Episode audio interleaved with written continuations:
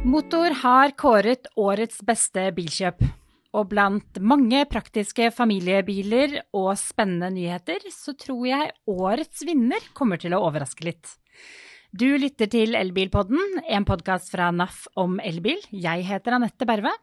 Og med meg i studio i dag er Motorredaksjonen. Vi har Peter Aaum, som er ansvarlig redaktør i Motor. Velkommen. Takk.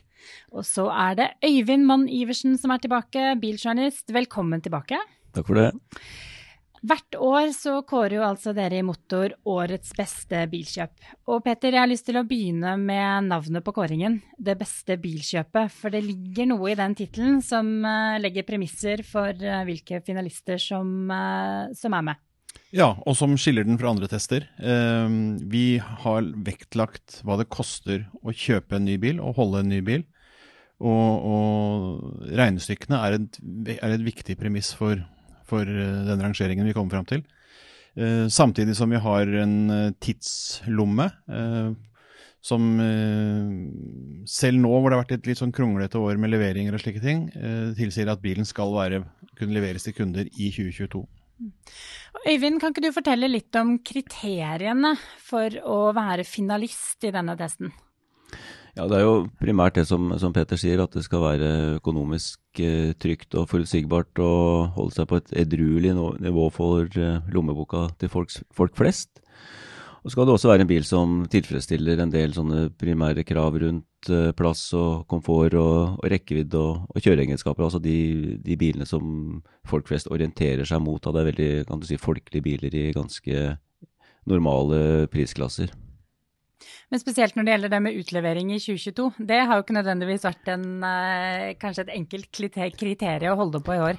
Nei, der har vi vært ganske rause og romslige på akkurat det. For der ser vi at eh, du kan få en bil før jul 2022, og så kan du kanskje få en annen bil uh, før jul 2023. Så situasjonen i etterkant av pandemien med diverse mikrobrikker, og, og inkludert da det som skjer i Ukraina, så det, fører det til store forsinkelser på leveringene. Jeg prøvde jo å en liten, gjøre en liten øvelse på morgenkvisten i dag og telle opp uh, nyhetene, bilnyhetene som har kommet til landet i, i, år.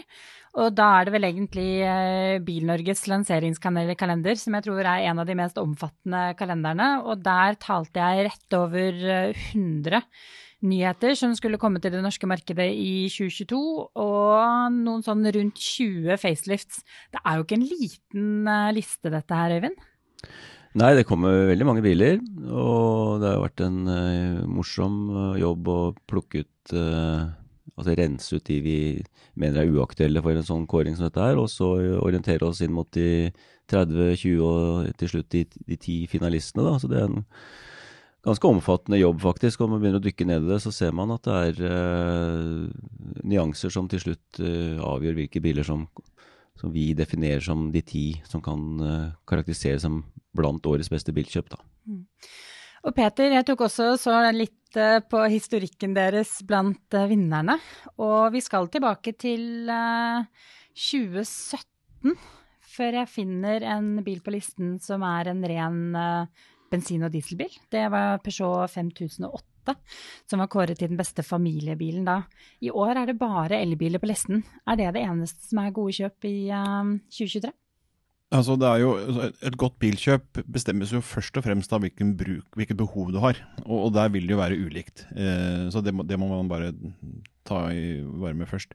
Men når det kommer til økonomi, så er det jo ingen, altså det, det er ingenting som kan konkurrere med elbilene på økonomi, eh, slik avgiftssystemet er. Nå er det jo, ser vi at det er en eh, ganske betydelig økning i kilometerkostnadene på bil pga. økte strømpriser, økte bompenger, eh, som gjør at eh, de er ikke så suverent mye bedre enn enn andre. Men så blir det jo dyrere drivstoff, og det blir dyrere avgifter, høyere avgifter også på på ladehybrider og på biler med forredningsmotor, Så, så, så, økonomisk sett så, så er jo elbilen eh, mer suveren. Eh, altså er, er den helt klar av feltet. Men, men, så ser vi også at etter hvert som folk blir vant med disse bilene og, og gjør seg erfaringer i daglig bruk, så, så går de jo ikke tilbake fra elbiler når de har prøvd det. Det er, det er lettvinte biler for folk når de lærer seg eh, gode ladebaner og, og bli kjent med hvor langt den faktisk går. Eh, sånn at eh, jeg tror ikke vi kommer til å se en liste med en bil med forbrenningsmotor hos oss noen gang. Nei, men det betyr jo ikke at det ikke har kommet noen på markedet i år, eller har det det, har det, det Øyvind? Ja da, det har kommet uh, flere som, uh, som lå vippet rett under uh, vår ti, grense på ti biler. da, altså fra 11 og, plass 11 og 20 utover så ligger det en del, har vi en del ladehybrider, f.eks. Peugeot 308 ladehybrid og Opel Astra ladehybrid, som begge er veldig gode biler. Og ikke minst Mercedes C-klasse, som, som, jo har en elektrisk rekkevidde på, på nesten ti mil. Så hvis du er villig til å, eller har lyst på en Mercedes med den kvaliteten det merket har, og klarer deg med litt, litt bagasjeplass og bakhjulsdrift, så kan du kjøre den bilen i mange, mange år uten å fylle bensin.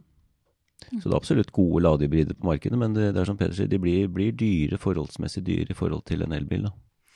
Og det er jo, i hvert fall plug-in-hybriden tenkes jo litt på som en overgangsteknologi.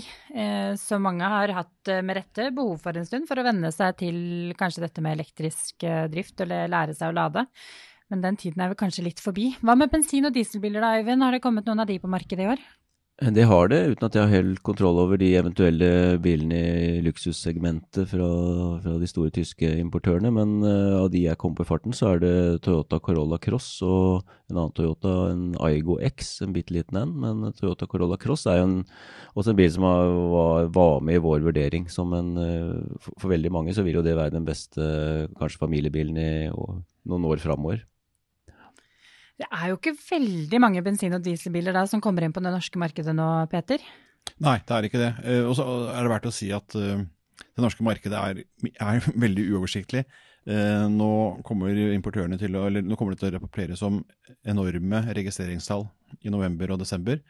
Men det er jo rett og slett bare en propp som løsner av for lengst bestilte biler bilsalget, nybilsalget nå, det er nesten dødt. Uh, mange importører som sier at de nesten ikke selger biler. Og det skyldes jo selvfølgelig usikkerheten om budsjettet. Vi vet ennå ikke om SV vil uh, gi regjeringen flertall for den vektavgiften de har foreslått. Jeg uh, det kommer en ny elbilavgift ukentlig. Så det det er svært uoversiktlig hvordan dette regnestykket ser ut. I tillegg til at leveringssituasjonen er kommer til å være øh, uklar langt, langt ut i 2023. Mm.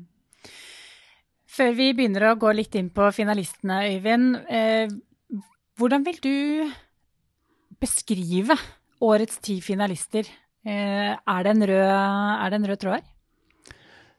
Det er en ganske sånn prismessig ganske jevnt felt, vil jeg si. Det er, det er som vi snakket litt om innledningsvis her, det er ganske folkelige, edruelige biler som kan passe et uh, om ikke alle familiers budsjett, så, så, veldig mange. Det viser jo salgstallene at det er denne, denne kategorien uh, de, de, fleste nybilkjøpene skjer.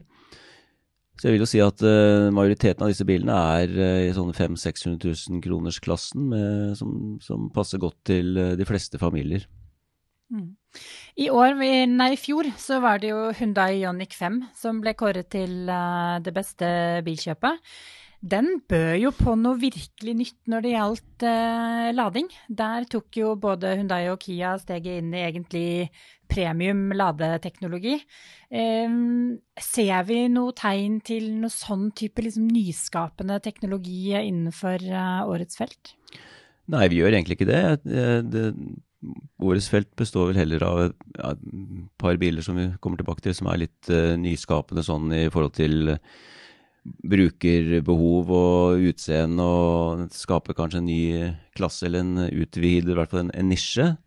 Men uh, på ladeteknologi så ser vi ikke noe nytt i år. Rekkevidden blir generelt bedre. Det går bare et par år tilbake, så, så har den økt med betraktelig mange mil. og nå nå begynner man å nærme seg et nivå hvor man uh, klarer å kjøre en lang tur opp på fjellet vinterstid uten, uten, å måtte nødvendigvis lade underveis. Så, så den, den, praktiske uh, fordelen med disse bilene er jo plutselig blitt vesentlig høyere bare i løpet av et par år, syns jeg. Mm.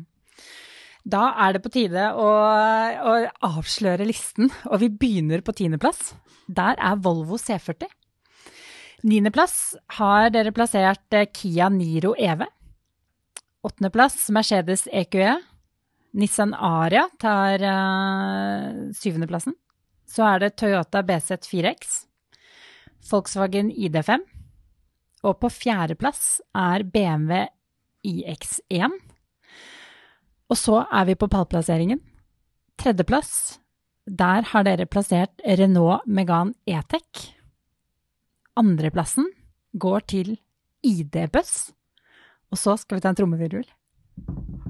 Ja, svak trommevirvel. Men på førsteplass, som da dere har kåret til årets beste bilkjøp, er BMW I4 E-Drive, som altså er I4-en med bakhjulsdrift. Den tror jeg kanskje overrasker litt, Øyvind.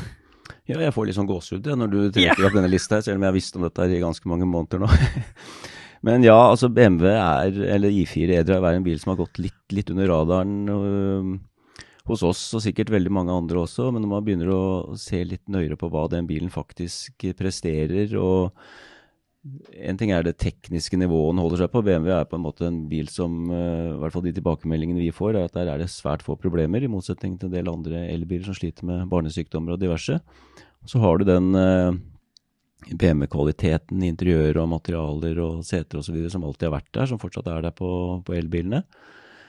Men så har du eh, et poeng som jeg syns er, er, viktig her. Det er at eh, økonomien i å kjøpe en, en, bil, en BMW som du normalt forbinder med kanskje høye prisklasser og masse utstyr og stor grad av merkeentusiasme Du kan ved å være litt nøktern og litt edruelig, så kan du få den bilen til 550 000, som da er under veldig mange sammenlignbare konkurrenter i den klassen, min, forutsatt at du da klarer deg med bakhjulsdrift.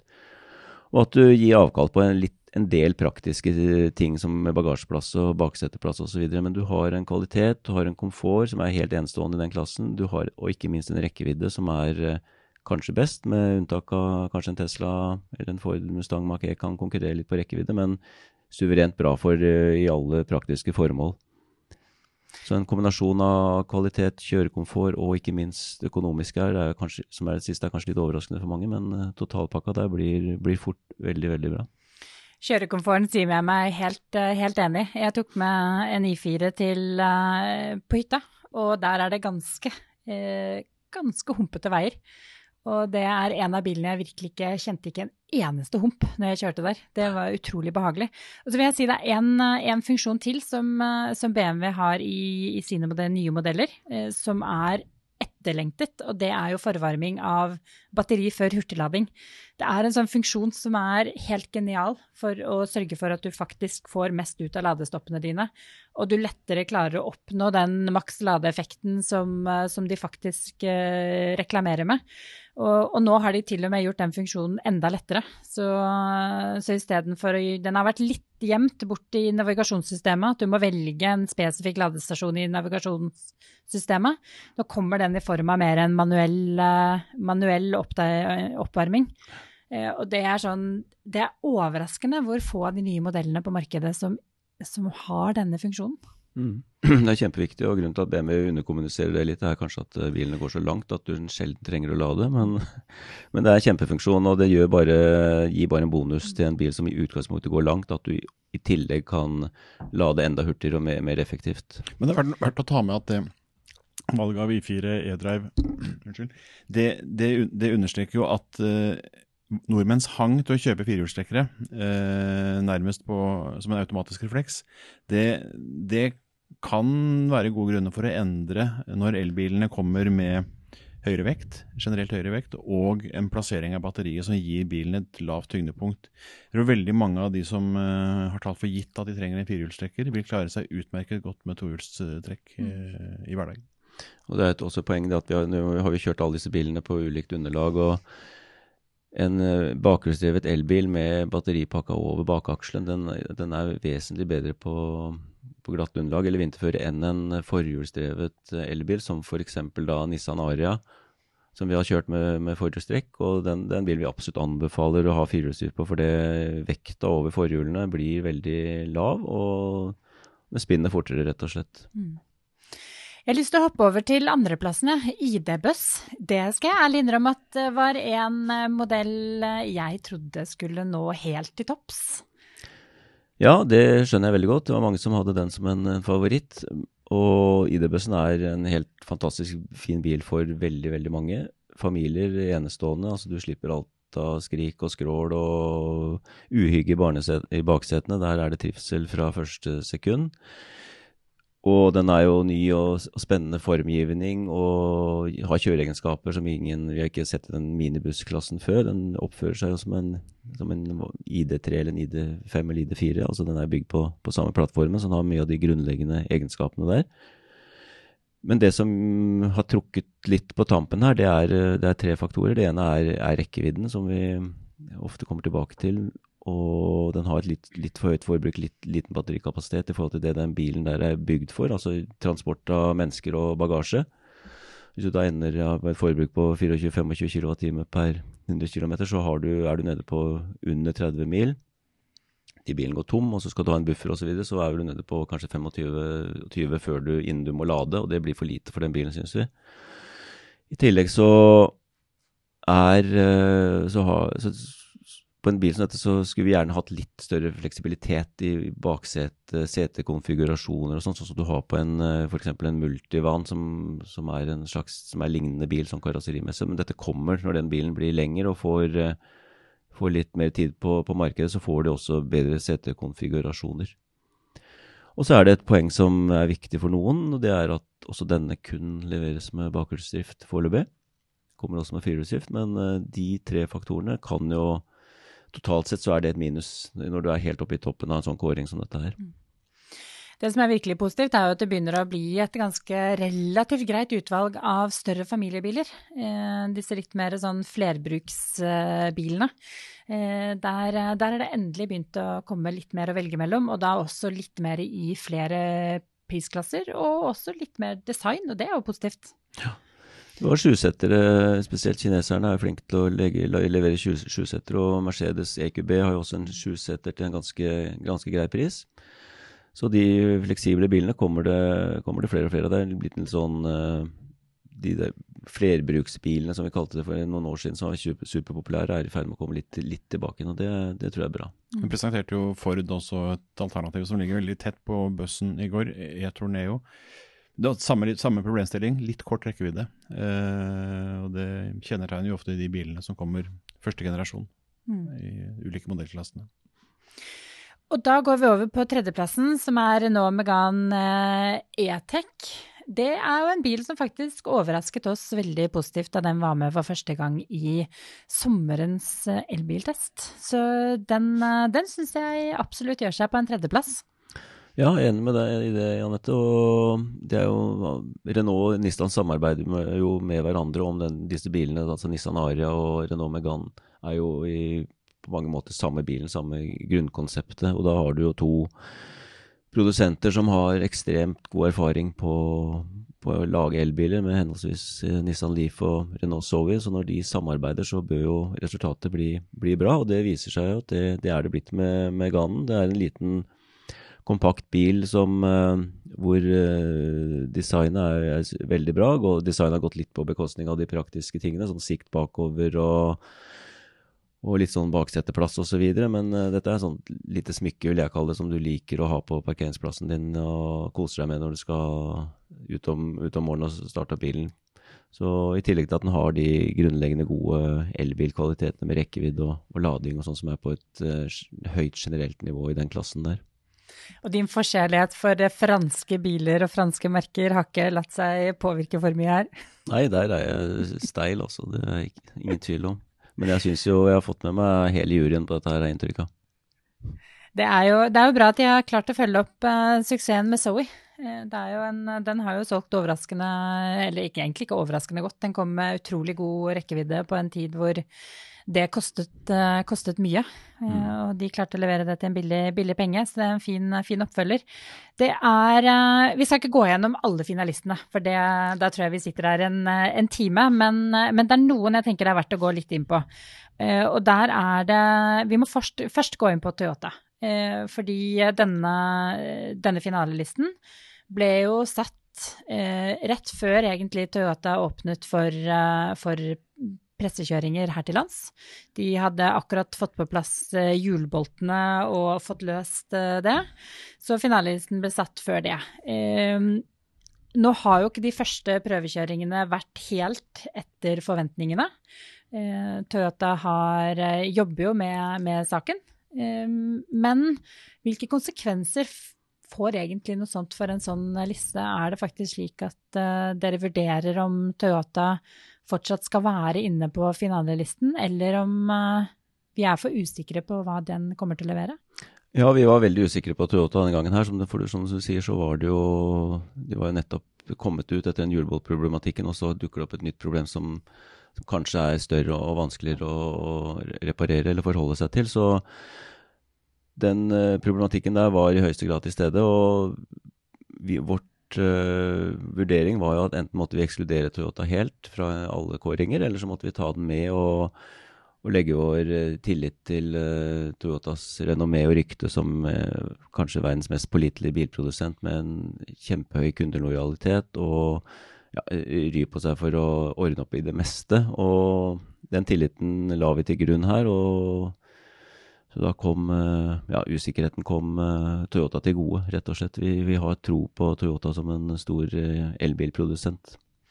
Ja, og de, eh, de, problemene de står jo, er jo heldigvis problemer som burde kunne løses ved en program, programvareoppdatering. Eh, regner, vi, regner, vi, kanskje med. Så, så, det blir spennende å se hva, hva løsningen eh, blir der. Men, men det, er, det, er, åpent. altså nå er Det det er Toyotas svøpe at vi har eh, med god grunn enorme forventninger til Toyotas eh, leveranser. Altså de, de, vi er oppdratt til at de er solide og, og til å stole på, og, og de har jo en helt unik kundelojalitet. Samtidig så er de har de gjort et andre strategiske valg på elbilsatsingen enn eh, mange andre store produsenter. Eh, de har varslet at de skal komme med mange biler, men på ett vis har de eh, holdt så fast ved den hybridteknologien sin og sidesporet med hydrogen at de har ikke klart en like rendyrket satsing på helelektriske biler som f.eks. Volkswagen eh, har gjort.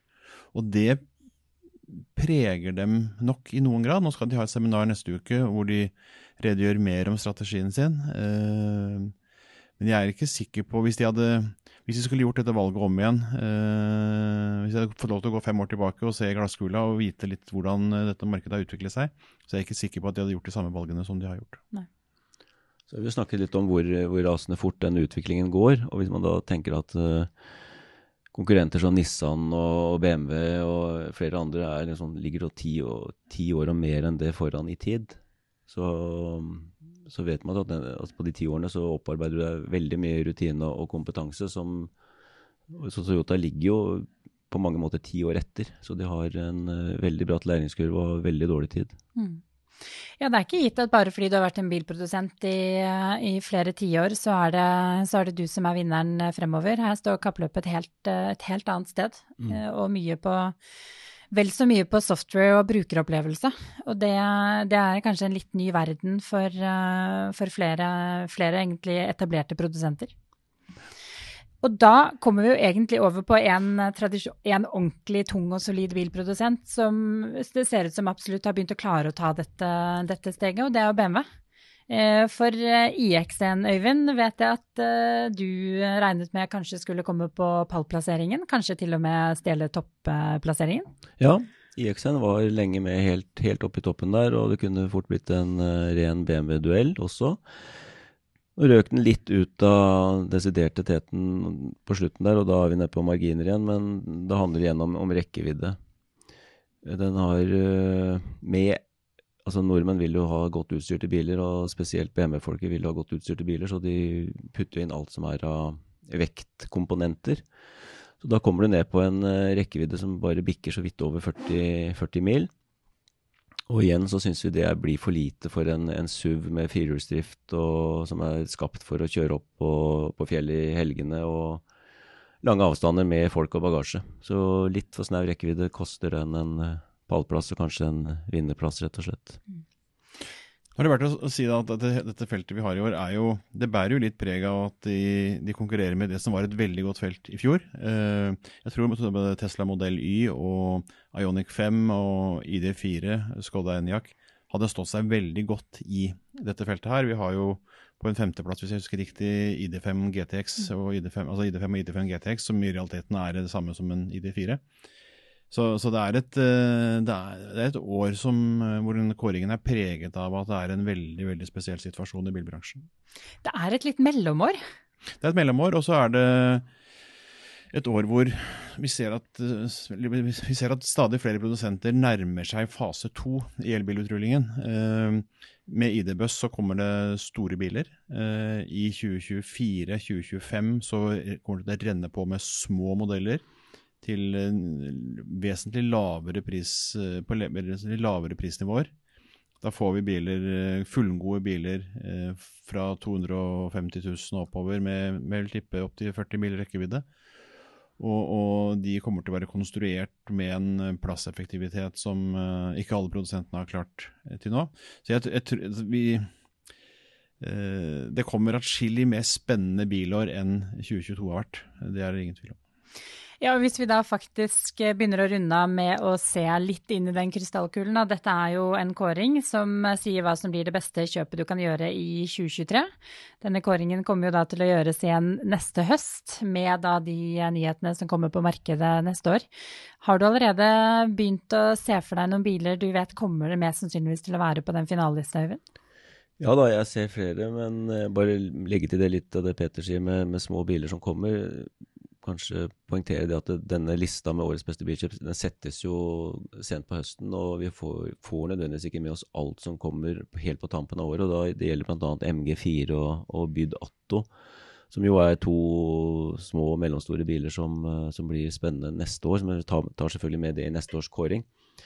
Men eh, ja, de to er jo kanskje to av de mer interessante, sånn i lavere prisklasser, som uh, vil tilby nok plass, bra rekkevidde, som vil konkurrere litt med Megan for årets kåring og Kia Niro og på, som også er med på årets kåring. Så de litt mindre rimelige familiebilene med, med topp elektrisk rekkevidde og lading, det tror jeg det kommer en del spennende av dem, blant andre. Og så har jo koreanerne allerede vist uh, Det kommer to veldig spennende modeller. Det ene er jo Ionic 6, som de har vist nå. Og så kommer det jo den første SUV-en fra Kia, altså Kia EV7. Som uh, kommer på høstparten. Det blir to veldig spennende biler i litt sånn ulike kategorier. Overraskende prisoffensive på den Ionic 6-modellen. Det blir spennende å se om da dette mellomåret her varmer opp til en, et ordentlig spennende 2023.